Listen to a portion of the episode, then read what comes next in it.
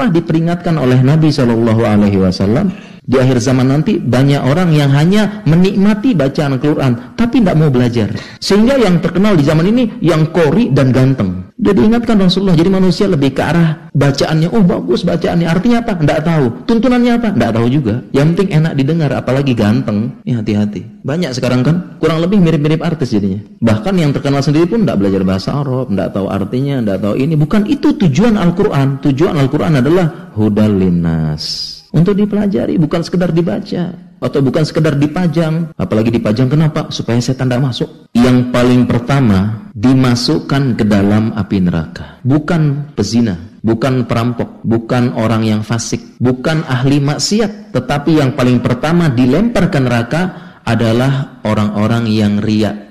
Yang pertama yang berilmu, yang kedua berjihad, yang ketiga yang banyak hartanya. Rajin infak, berilmu, dan berjihad. Tiga orang ini yang dia riak paling pertama mencicipi neraka. Dipanggil tiga orang ini nanti di hari kiamat.